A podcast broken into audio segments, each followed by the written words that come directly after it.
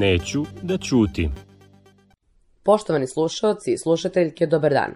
Pratite podcast Nove ekonomije Neću da ćutim. Moje ime je Katarina Baletić, a u današnjoj emisiji ponovo govorimo o tome na koji način male firme funkcionišu u ovim vanrednim okolnostima.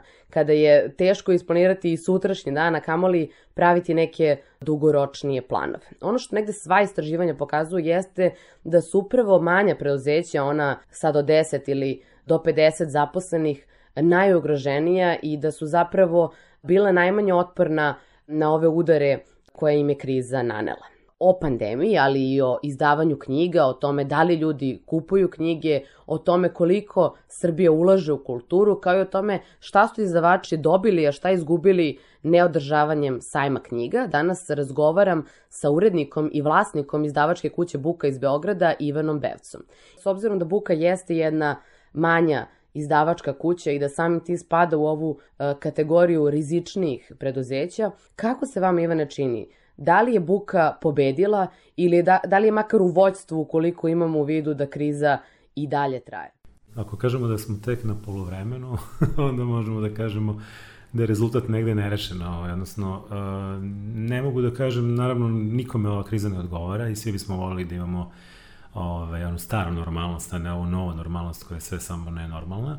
S druge strane, ne mogu da, pre, da baš se previše žalim ako gledam kako je kolegama iz drugih nekih e, oblasti Ako pogledam kako je kolegama koji se bave bioskopskom distribucijom, pozorištima, koncertima, da ne idemo dalje do toga. Meni se čini da je ova naša, naša oblast e, vezana za književno izdavaštvo i knjižarstvo tu još i dobro prošla.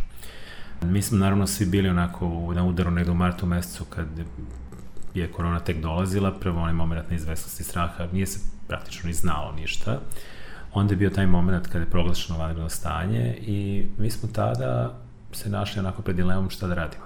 Dakle, mi imamo jednu, tad u tom trenutku smo imali jednu knjižaru u Beogradu, Cara Lazara, a u pripremi drugu. dakle, savršen tajming.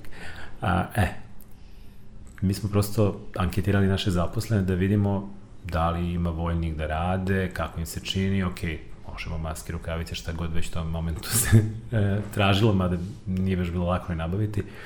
E, oni su svi nekako bili prilično ajde kažem, uplašeni za svoje zdravlje i onda smo se negde složili da privremeno zatvorimo knjižaru, da ih ne izlažemo riziku i naravno našli smo se u nezgodnoj situaciji, međutim onda smo shvatili da ono što smo godinama radili da počinje da nas isplaćuje, to je ulaganje u online prodaju. Dakle, mi imamo to dosta dobro razvijeno i naši partneri iz Makar distribucije rade to vrlo efikasno. Dakle, preko društvenih mreža, direktnim mailovima, newsletterima i ostalo smo i zanimirali čitaoce čitateljke i e, ponudili neke fine akcije i bukvalno je taj odgovor bio momentalan. Naravno, distributorska kuća se pobrinula da sve to bude maksimalno u skladu sa ovim preporukama i sigurno. I mi smo imali ogroman boom online prodaje. I dakle, zaista, ljudi prosto, a kad ostanu kod kuće, šta mogu da rade? Znači, ne mogu da gledaju nešto na televiziji, na kompjuteru i da čitaju knjige. To je ono što mogu. Ne mogu da idu bioskope, ne mogu pozorište. Dakle, home entertainment dominira. I knjige imaju tu sreću da prosto to, to ovaj nude. I nama je ovaj, ta prodaja u, negde do početka maja meseca, do kraja tog vanrednog stanja, dok mi nismo ponovo otvorili tu našu knjižaru, praktično pokrivala one troškove plate i sve ostalo i niko nije izgubio posao i zadržali smo sve zaposlene.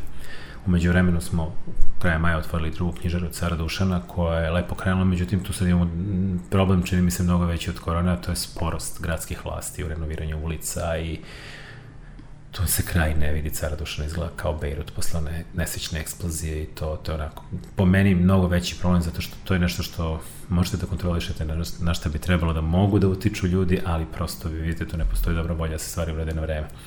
Tako da korona nekad nije najveći problem. I sad, od kako je se završilo vanredno stanje, sad imate sve ove uspone i padove, te smo pobedili koronu, te imamo treći pik četvrtog talasa, ne znam više šta se dešava, vidim da se opet spreme razne mere, međutim, knjige se prodaju, ljudi dolaze u knjižare, prosto, poštuju se prosto sve te preporuke, svi nose maske, insistiramo na tome kod svih ljudi koji uđu, da bismo zaštitili pre svega i naše zaposlene, zatim i te ljudi koji ulaze. Objavljujemo puno novih naslova, imali smo ogroman hit sa Omelanom Ferrante novom, dakle, svi pokazatelji su dobri, ovaj, ono što je, sami ste spomenuli, najveći problem je ta neka nesigurnost, ne znamo dok će ovo trajati, ne znamo kako će se razvijati, ide zima, ide sezona svih tih mogućih infekcija i ostalo u kombinaciji s koronom, to će vratno biti problema. Ono što ja iskreno lično verujem da nijedna država ne baže sebi više da dozvoli totalni lockdown, prosto zbog ekonomije, jer mislim da se potrošila sam novac za dotiranje ove od strane države i da, će, da ćemo morati da naučimo da živimo u ovakvim okolnostima dok god ne bude neke efikasne vakcine, što prosto maksimalne mere opreza, maske, distanca i prosto mora da se radi. Dakle, mi moramo da pravimo knjige, da ih prodajemo, ljudi moraju da ih kupuju da bismo mogli da pokrijemo plate doprinose svih zaposlenih, da bismo mogli da živimo toga svi zajedno. Ljudi opet po, osjećaju potrebu za čitanjem i za, za konzumiranjem različitih sadržaja.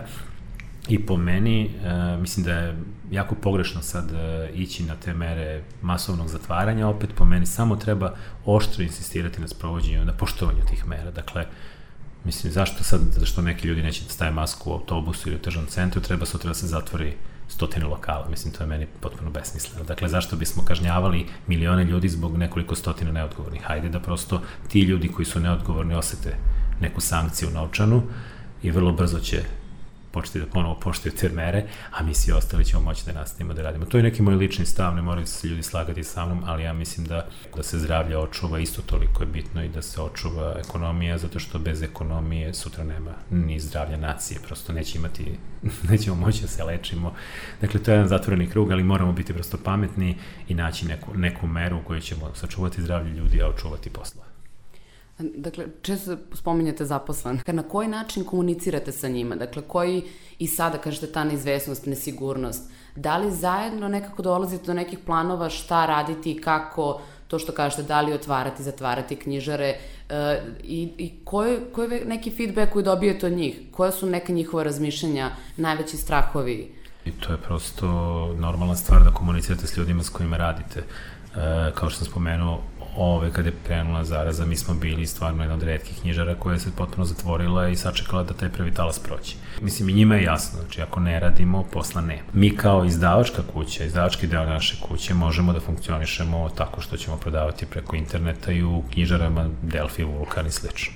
I mi ćemo živeti sasvim ok. Dakle, govorimo prosto našoj maloj izdačkoj kući da smo supruga i ja, dakle to je to.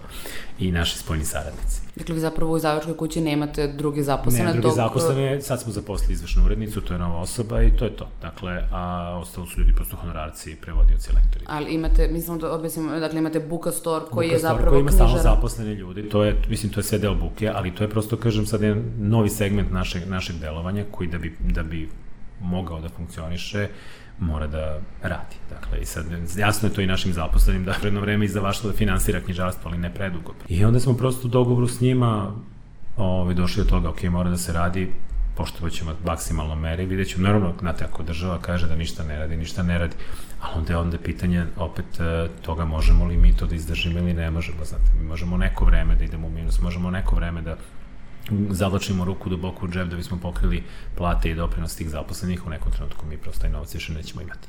I ovaj, u tom slučaju će naših 15 zaposlenih ostati bez posla, što je poslednje što želim. Dakle, mi imamo jednu sjajnu ekipu mladih ljudi i ja se stvarno nadam da će se ipak posao držati na, na takvom, dakle ovo nije moment kad neko očekuje nikakve profite, ovo je moment kad se svi borimo da ostanemo iznad vode, da zadržimo te ljude, da niko ne dobije otkaz, da ne smanjujemo plate, dakle ništa toga nismo radili. Dakle, svi su dobili uvek sve plate na vreme, nijednog momenta se nismo sad išli na to, e sad država daje minimalac i mi ćemo minimalac, toga nema kod nas, dakle prosto dogovorene plate se isplaćuju na vreme ali opet kažem, mi možemo do određene granice ići ili ako okolnosti budu tako, tako nepovoljne, desit će se ono što se desilo s mnogim drugim granama ovaj, privrede, a to je da neki ljudi gube posao. Ja znam da, da je dosta firmi vraćalo pomoć državi i na kraju otpuštalo ljude zato što im se u stvari nije isplatilo jer ta pomoć bila ipak premala odnosu na taj trošak koji su imali zaposleni. Tako da, komunikacija sa zaposlenima je krajnje otvorena. Dakle, tu ne, nemamo ništa da krijemo. Njima je jasna situacija i oni ljudi na kraju krajeva rade u tim knjižarama, oni vide kolika je prode. Dakle, ako prodaja ide dobro, nema nikakve opasnosti ni za koga. Ali oni vrlo dobro znaju koji iznos pazara je već kritičan ispod koga mi ulazimo u problem i šta je neki period koji mi možemo da izdržimo. Tako da ovaj, svi smo mi u istom sosu, dakle nik, nikom sad tu nije bolje, gore.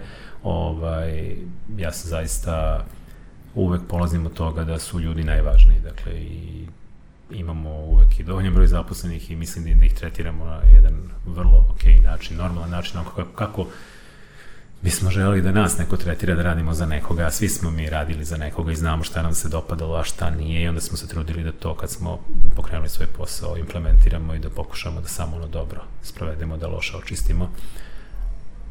Ali, ja opet kažem, realnost je takva da ovaj, sve može se promeniti za mesec, dva, ali ajde, za sada je sve ok, za sada posao funkcioniše dobro i nadam se da ako ostane na ovom nivou nema nikakve opasnosti ni za koga, nadam se da ćemo prosto izgurati do tog proleća kad će vratno stvari biti mnogo lakše. Rekli ste da za, za vreme vanrednog stanja skočila ta internet prodaja i vi imate prilično razvijen taj web mhm. shop. I negde su, uh, smo, čini mi se, tek, tek tada otkrili sve te mogućnosti koje zapravo ta kupovina preko interneta uh, pruža, ali kako vam se čini sada kada ljudi mogu da dođu u knjižaru? Da li su ostali pri, to, pri toj online kupovini ili im ipak znači taj fizički kontakt s ljudima i s knjigama? Fizički kontakt je nezamenljiv, to da se razumemo. Ono što, što je lepo u celoj priči, što se taj neki novi segment prodaje razvio, da ta online prodaja konačno silom prilika je postala dominantna Jako je tome doprino, čini mi se, i ove velike razvije ovih delivery servisa, tipa Donesi, Glovo, Volt i ostali, da su isto ljudi kroz tu neko poručivanje hrane i slično su opustili. Prosto videli su to funkcioniše, da to radi. I, ove, ali znate, nama, nama i nakon otvaranja knjižara, ok, nije više prodaja bila tolika online, međutim, kad se ona, da kažem, vratila, nije se vratila na prethodni period, nego recimo osla na duplo višem nivou.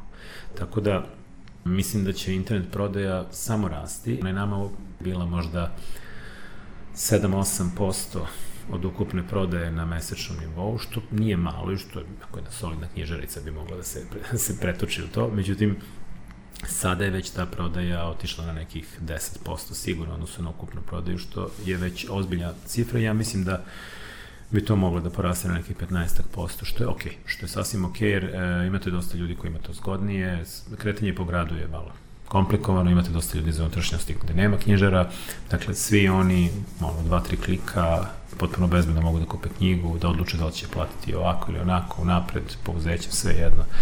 E, knjige stižu jako brzo, tako da mislim da, da je to pozitivno i mislim da je ovaj, to neki trend koji prosto ništa novo nije. To ceo zapad već usvojio pre 10 godina, pa evo došla i kod nas. Buka već možemo, možemo kažemo tradicionalno ne učestvuje na sajmu, imate prilično drugačije mišljenje o, o sajmu knjiga. Dakle, da li vam se čini da su izdavači mnogo izgubili ove godine e, što neće biti sajma knjiga zbog tih mera uh, okupljanja? Pa ne znam šta bih vam rekao, to biste morali pitati njih koji, kojima je sajam strašno važan. Nama sajam već 7 godina uopšte nije važan. Kad smo prestali da učestvujemo na njemu, mi smo dobili smanjili su nam se troškovi i stres nam se drastično smanjio, pošto svako učeće na sajmu predstavlja ogroman napor i stres, a zarada i nije tako velika kao što zamišljaju svi. Uh, Mislim da je velika greška domaćih izdavača, bar postoje oni izdavači koji se strahovito oslanjaju na sajam i na i otkup knjiga od strane države. Dakle, to su dve, da kažem, dve velike iluzije a, i da je jedino bitno biti okrenut prema tržištu i prema čitavcima i prema kupcima koji tokom cele godine kupuju knjige. Dakle, ovo nije država koja je ikada i ti će ikada ulagati mnogo u kulturu, nažalost, i samim tim a, oslanjanje na, na, na državu je potpuno pogrešno, a što se sajma tiče, on je, kako kažem, davno izgubio tu neku svoju sajamsku svrhu, dakle on je, on je više liči na neugodišnji vašar. I nama, mi smo odlučili da nama tu nije mesto, jer to je prosto jedno okruženje postalo prilično naporno i prilično nekvalitetno i prilično retrogradno i prosto mi tu sebe nismo videli. Plus otvaranjem naših knjižara smo potpuno i tu taj kanal razvili, tako da nam nema, nema potrebe za tim. I drugo, masovna kupovina na sajmu je mnogo, mnogo bila značajnija pre 10, 15, 20 godina kad vi sem u Beogradu baš i niste po Srbiji imali neki izbor knjižara. Međutim, sada kada praktično u svakom većem mestu u Srbiji imate neku knjižaru iz lanca Delfi ili Vulkan, i svaka ta knjižara lepo izgleda, god se nalazila i, i ovi prodaje većinu bitnih naslova, savremene proze, više nema potrebe za onim ekskurzijama do Beograda za kupovinu sajma. Sajam je suštinski jedan veliki diskont knjiga gde se izdavači masovno oslabađaju tih svojih neprodatih knjiga daju ih upola cene, zato što tu nema nikog između njih i kupaca, nego jednog provajdera, pa mogu da spuste više cene. I tu odavno nema stranih agenata, tu odavno nema stranih izdavačkih kuća, tu odavno nema posla za izdavače sem prodaje. Dakle, a kada je nešto samo prodaje, onda to nije sajam. Onda to prosto treba nazvati pravim imenom, to je veliki, veliki diskont u kome vi dođete i za neke relativno male pare pokupujete neke knjige, ali opet to možete da uradite i na noći knjige koje radi Delfi i na popustima koje mi organizujemo u Bukastoru. Nećete tamo prosto doživeti neko kulturno uzdizanje, nećete, ili kao izdavač, nećete završiti neki veliki posao, samo ćete se možda rešiti nekog lagera knjiga koji vam pretiče, ali mi koji imamo svoje knjižare nemamo potrebu čak ni za tim. S obzirom na to da ste prilično oslanjeni na inostranstvo, da verujem da imate dosta kontakata u inostranstvu, pošto i objavljujete dela stranih autora, mm. kako vam se čini da, da, da je tamo situacija? U, kojem, u kojoj situaciji se tamo nalaze izdavači, agenti, autori, dakle svi, svi iz vaše branše?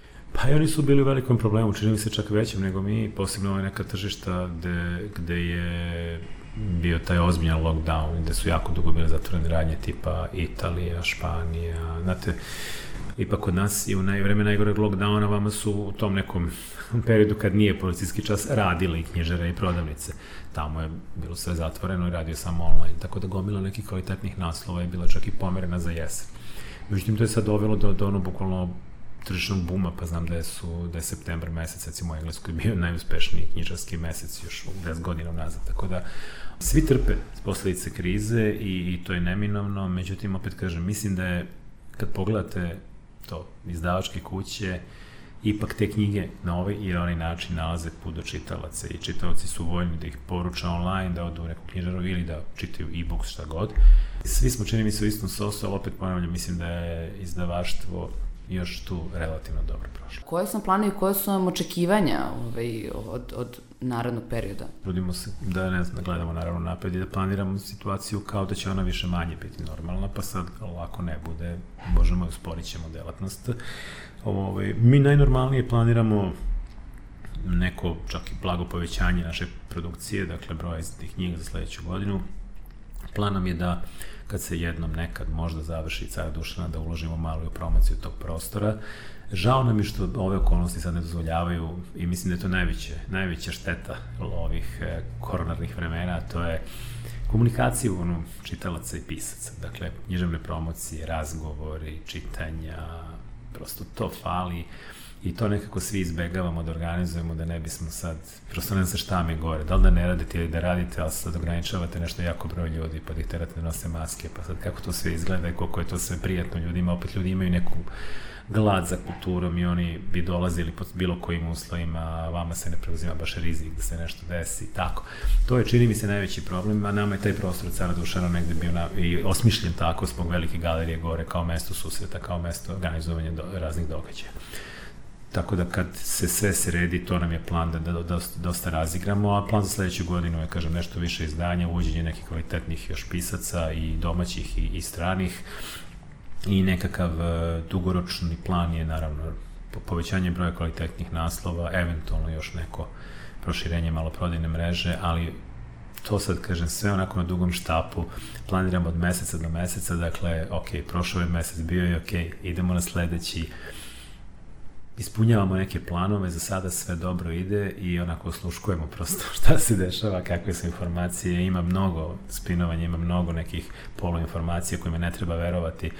Dakle, treba se oslanjati isključivo na zvanične informacije, na ono što se donese kao zaista kao uredba, jer to sad šta će biti, koje će biti, da li će biti, to ovde prosto služi samo za... Jel verujete zvanične informacije? Da je radno vreme dozvoljeno do 23 do 21, eto, to je ono što me zanima.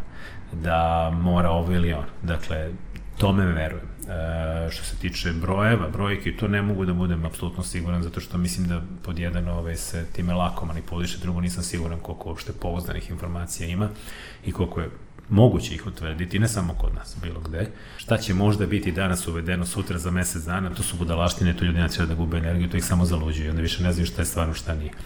Postoji ono, tačno spisak mera koje su zvanične i njih samo treba njih da poštujemo. Dakle, nije to ništa problematično, mislim, nositi masku u, knjižari ili u autobusu, to je najmanji problem. Kad bilo ko od nas, kao što recimo Japanci rade od uvek, se nakašlje dva, tri puta za jednom, lepo stavi masku da bi čuvao drugi ljudi od sebe. A, to su neke navike koje se nadam da će nam ostati posle, kad, kad korona konačno prođe. I naravno mislim da bi ono ljudi prosto trebali da iskoriste ovaj period da se vakcinišu i protiv ovog redovnog gripa, da ne bi sutra kad dobiju temperaturu pitali se da li korona ili nije, izbegnite ovaj sezonski grip, manje su šanse da dobijete i koronu, a kad bude vakcina protiv korone takođe da se, da se ne glupiramo i da se ne daje prostor ovim šarlatanima, antivakserima i ostalima, da se prosto svi lepo zaštitimo, nešto na ljudi koji su najvrženiji i da prosto počnemo da funkcionišemo normalno, jer to je ono što svi želimo. Kako bi država vama mogla da, mislim, šta, šta očekuje od države sad ukoliko biste rekli, ok, ja imam taj neki svoj plan, ali mi treba država za šta? Pa ja sam toliko ovaj, navikao, dugo godina uh, živim i radim ovde, pa sam navikao da ništa ne očekujemo države što je negde dovelo dotle da smo svi mi na ovom izdavačkom tržištu dosta otporni i sposobni i, i, i, kad bi nam svaka privredna grana bila kao izdavaštvo i knjižarstvo, verujte, Srbija bi bila kao Švajcarska. Dakle, to tržište je zdravo i kvalitetno i tu radi mnogo do, dobrih i vrednih ljudi i čitaju se knjige i ljudi kupuju knjige u Srbiji. Dakle, to, to, ovaj, to prosto moram da, da kažem jer se vrlo često olako i paušalno daju neke ocene. I mislim da je država Srbija odavno nije na visini zadatka i odavno nije na nivou koje je tržište postiglo, već tako prosto okreće glavom drugu stranu. Ono što bi država, po meni, ako želi da bude ozbiljna država, trebalo da uradi, to je da pod jedan podigne budžet za kulturu sa ti koji je ispod 1%, što je skandal, i da ga vrati makar na nivo Nade Popović Perišić iz 90. neki kad je bio 2,5%. Dakle, ako je Slobodan Milošević mogao da daje 2,5% za kulturu, može Jana Brnabić. Uh, druga stavka je da taj novac onda mnogo pametnije raspoređuje i da ga ne daje na nekakve projekte koji, koji, od kojih nema ništa, da se radi e, evaluacija svih projekata za koje je država dala novac, jer to se sada ne radi, tako da se novac daje kome, kome se želi, bez ikakve potrebe da se opravda to.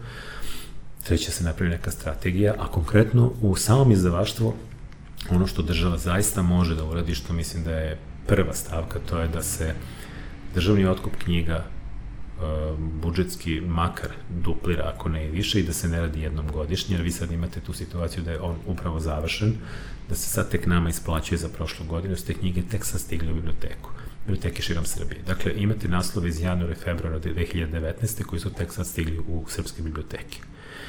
To nije način da vi opismajte jedan narod da ga, da ga naučite da čita. Dakle, i to nije način da pomognete izdavačima. Ozbiljne države rade najmanje dva puta godišnje na otkup i onda samim tim postižu da budu uh, novi, sveži naslovi u, u bibliotekama, a druga stvar je, taj budžet je, verujte mi, smešan, on je, on je na nivou od ispod miliona evra za otkup knjiga svih izdavača za sve biblioteke u Srbiji. To je jedna, kako bih rekao, zaista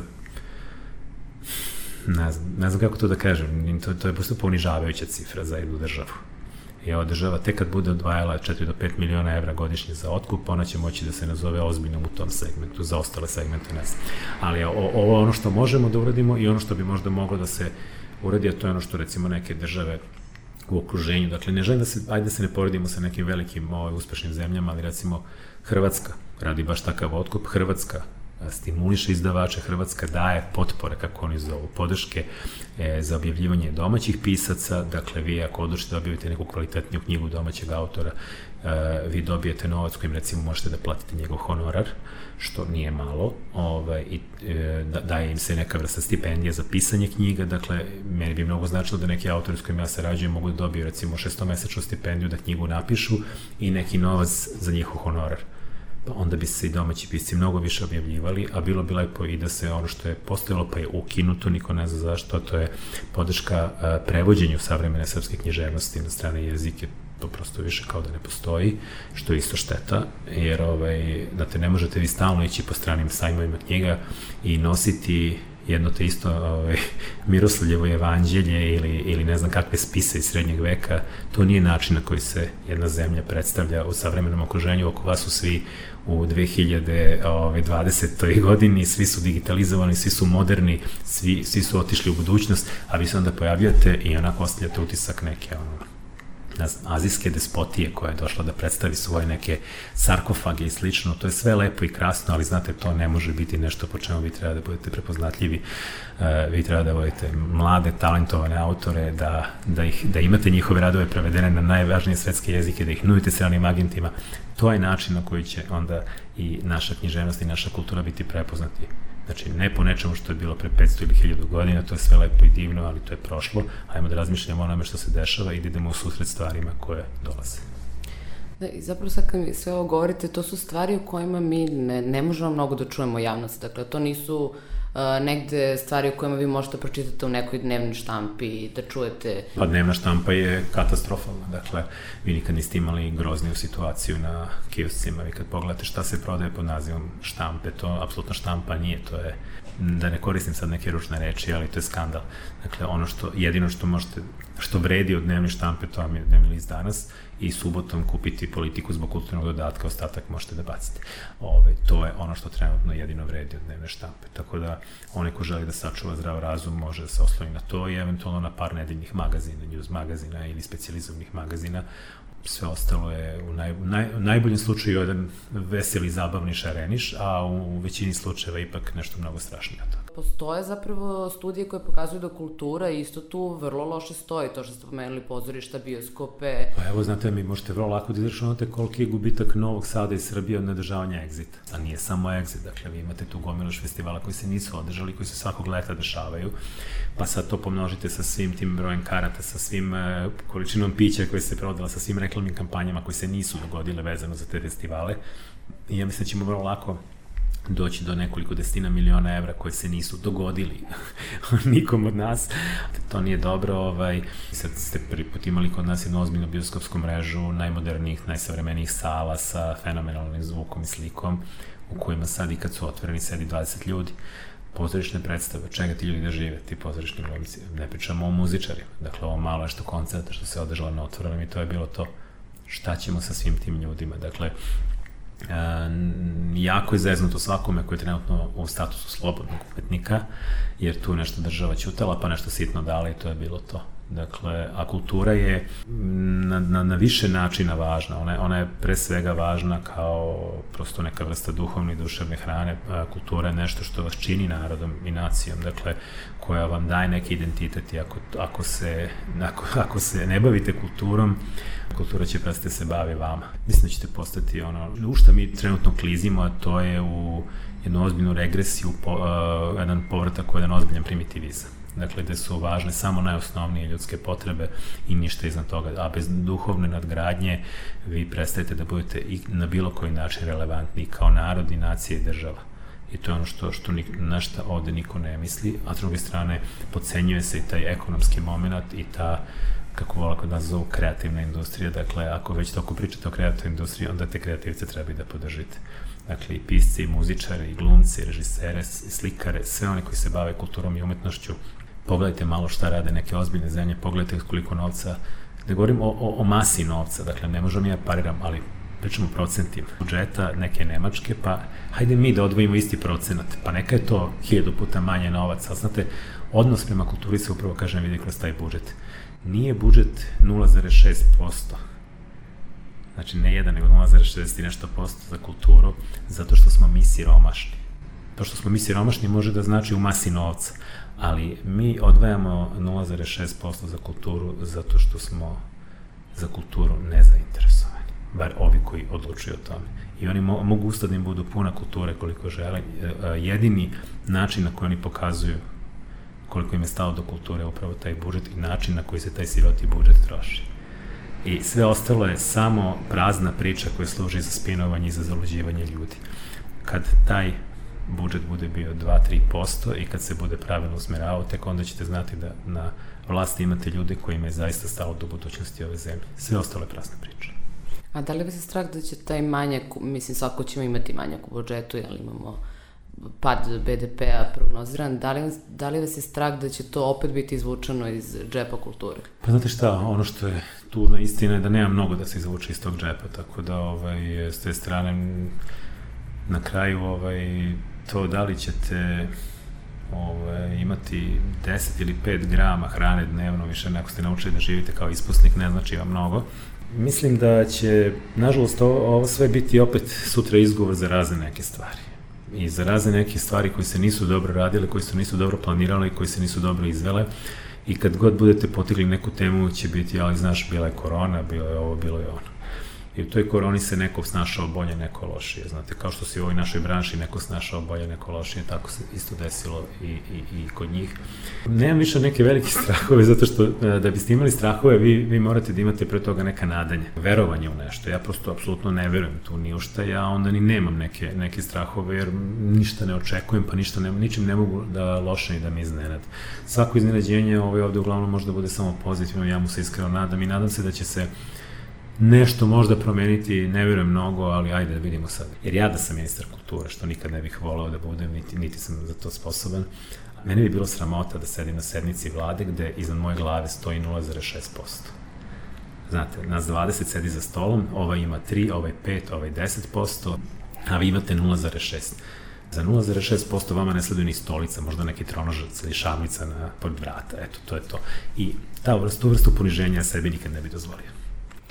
Živane, hvala vam puno na razgovoru, ja vam želim puno sreće u poslu i hvala. puno ljudi koji čitaju i kupuju knjige. Ljudi ima, ljudi čitaju, hvala vam puno, ovaj, dok god su oni tu i dok oni čitaju, ja mislim da smo mi negde sigurni, samo ti ljudi prosto su prepušteni su sami sebi i divno je videti da ih ima to, i u ovim uslovima da ih ima toliko koje, koje prosto su im književnost i kultura bitni. Ovo je e, bio Ivan Bevec, urednik i vlasnik izdavačke kuće Buka. Vi ste slušali podcast Nove ekonomije Neću da ćutim, a moje ime je Katarina Baletić.